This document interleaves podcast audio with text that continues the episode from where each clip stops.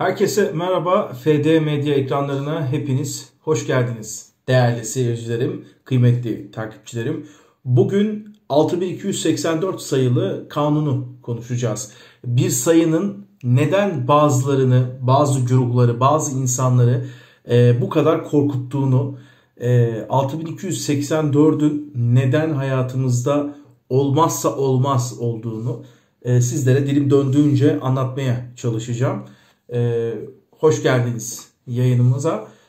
Şimdi Türkiye'de bazı konuların hala yani 2023 yılında konuşuluyor olması çok üzücü.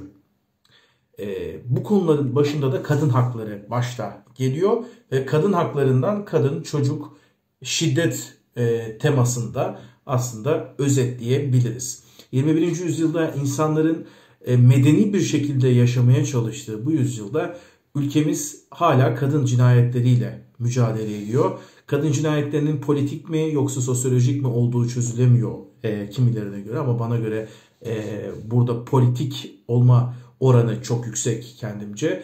E, tabii ama sosyolojik olarak da çok ciddi bir e, oran mevcut. Bunu da hani sadece bu cinayetler politiktir diyemeyiz.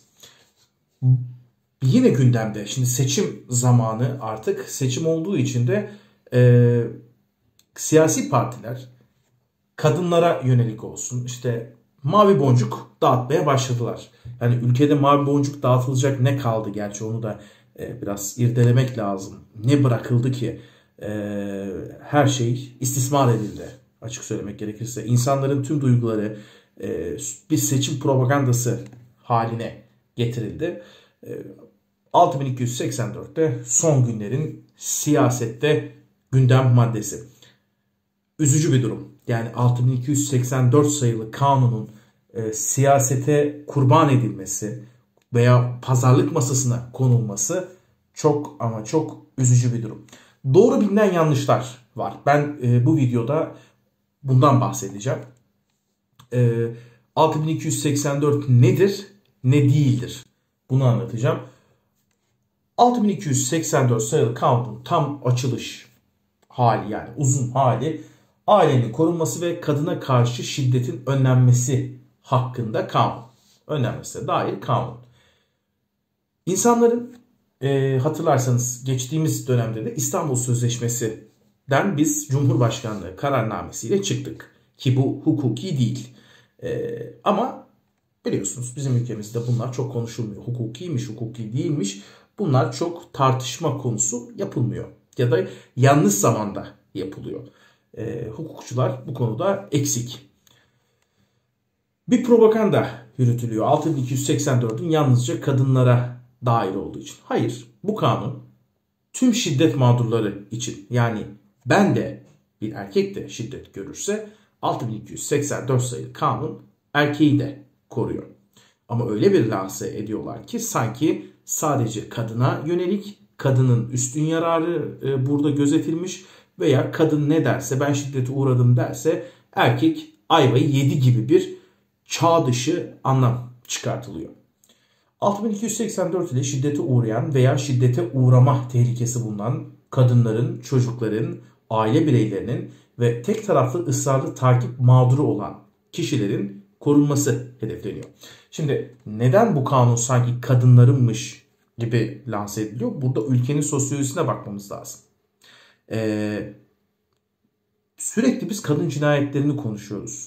Sürekli e, kadın hakları, kadın üzerinden bir yön çizme hevesimiz var. Bu bizim bütün siyasilerimizde de var, iş dünyamızda da var, e, kendi aramızda da var. E, artık kadın kelimesi, yani bu ülkede korkarım ki öcü tabirine lanse ettirilmeye çalışıyor. Sanki her şey kadının altından çıkıyormuş gibi. E, 6284'ün uygulanmasında kadın erkek eşitliğine duyarlı ve temel insan haklarına dayalı davranılır. 6284'ün birinci maddesi bu şekilde. 6284 aile yapısını bozar. Bir de en büyük iddiaları bu. Aile yapısının bozulacağına dair. Kesinlikle katılmıyorum. 6284 ev şiddetinin, aile içi şiddetin önüne geçer. 6284 ile şiddete uğrayan aile bireyleri hızlı biçimde koruma altına alınarak maruz kaldıkları şiddetten uzaklaştırılır. Şiddet mağduru aile bireylerinin cinsiyetine bakılmaksızın, bakın burası çok önemli. Burası çok önemli. Cinsiyetine bakılmaksızın gerekli tedbirler alınır. 6284 ile aile içinden gelen şiddete maruz kalan her birey ve çocuğun sığınabileceği bir yeri olabilmektedir, olmaktadır. Bu da 6284 sayılı kanunun 1 ila 5. maddelerinin özeti. Yine yaygara kopartılan bir konu 6284 kadının beyanını esas alıyor. Yanlış, bu da yanlış. Psikolojik, cinsel, fiziksel ve ekonomik şiddetin özellikle aile içinden gelmesiyle birlikte acilen müdahale edilmesi gerekir. Bu sebeple yalnızca 6284 kapsamındaki koruyucu tedbir kararlarının hükme bağlanmasında mağdur beyanından başka delil aranmaz. Fakat bu tedbir kararı ceza mahkumiyeti anlamına gelmez. Ee, bizim gibi toplumlarda e, kanunlar yazılırken aslında yazılan kanunları halka açıklamalı hukukçular. Çünkü biz okumayı seven bir toplum değiliz. Biz okumuyoruz. Biz kulaktan duyma bilgilerle hala Lozan'ın gizli maddeleri olduğuna inanan 2023 yılı diyorlardı hep hani bitiyor işte artık bor madenleri çıkartacağız. Bir nesil bu yalanlarla büyütülen Facebook postlarıyla hayatımızı idame ettirilmeye çalışan bir e, ülke sosyolojisi var. Yani bu gözler alanında uzman profesörün bir makalesi üzerine hayır yanlış biliyorsun diyen insanlar da gördü. Cehalet bizim ülkemizde çok güçlü. Ee, her şeyi yenebilirsiniz ama cahili yenemezsiniz. Çünkü cahil kaybetse bile ben kazandım diyecektir. Veya en azından kendini üste çıkartacaktır değerli izleyicilerim. Bu sebeple aslında tedbir kararının bir ceza olmadığını anlatmamız gerekiyor. Yine e, aleyhine tedbir kararı verilen kişinin buna itiraz hakkı da mevcut durumda. 6284 ile süresiz nafaka geldi. Yalan, bu da yalan. Nafakaya ilişkin hükümler Türk Medeni Kanunu'yla düzenlenmiştir. 6284 kapsamında tedbiren nafakaya hükmedilmesi mümkündür. Fakat yine de TMK hükümleri yani evlilik, boşanma, nafaka, aile hukukunu düzenleyen 4721 sayılı Türk Medeni Kanunu hükümlerine göre e, karar verilmelidir burada da.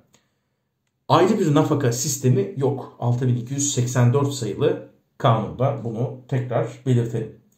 Bu nafakanın süresi de koruma kararının süresi kadardır. Koruma kararı ne kadarsa 6284 sayılı kanuna göre eğer ki bir nafakaya e, hükmedilmişse bu koruma kararının süresi kadardır.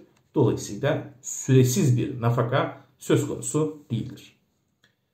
6284 ile erkekler iftira ile ceza aldı. Şimdi e, özellikle insanların hani işte bu kanun geldi aile içi şiddet daha çok arttı. Yani bu kulaklar şunu duydu. Efendim bu kanun olmasaydı baba e, sinirlendiğinde işte anne veya evin içindeki diğer bireyler bu kanuna başvurup aile içinin olayını devlete duyurmasaydı neymiş efendim baba daha sinirlenirdi. Belki bu kanundan dolayı insanlar eşlerini öldürdü. Yani bu kadar e, 21. yüzyılın gerçeklerinden uzak bu dünyanın sosyolojisinden uzak bir toplumla, insan güruhuyla ve kendilerini e, profesör, akademisyen, hukukçu olarak tanımlayan insanlar arasındayız. Çok üzücü. Hala bizim e, 21. yüzyılda kadının bedenini konuşmamız, kadın haklarını konuşmamız çok ama çok üzücü. Evet, dönelim konumuza. Erkekler iftirayla ceza mı oluyor bu kanunda? Hayır. Hükmedilen tedbir kararlarını ihlal eden kişiler 3 günden 10 güne kadar zorlama hapsiyle karşı karşıya kalabiliyor. Şimdi e, bu şöyle bir şey. Şiddet gördüm. Kendi üstünde vereceğim örneği. Şiddet gördüm. Bu şiddetin sonucunda bana şiddet gösteren uzaklaştırma kararı aldı ya da bir koruma kararı aldı. Bu karar sonucunda hala bana yaklaşmaya devam ediyorsa e bunun bir cezası var tabii ki. Bu da zorlama hapsi. Önemli konu ceza mahkumiyeti değil. Bakın bir yargılama e, burada yapılmıyor. Bir ceza mahkumiyeti söz konusu değil.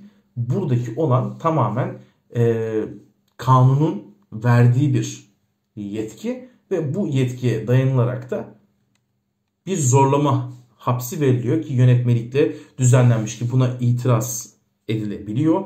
Yine tekerrür hükümlerine esas alınmıyor. Yani ceza mahkemesiyle alakalı bir durum söz konusu değil ve adli sicile de işlemiyor. 6284 e, yaşatır.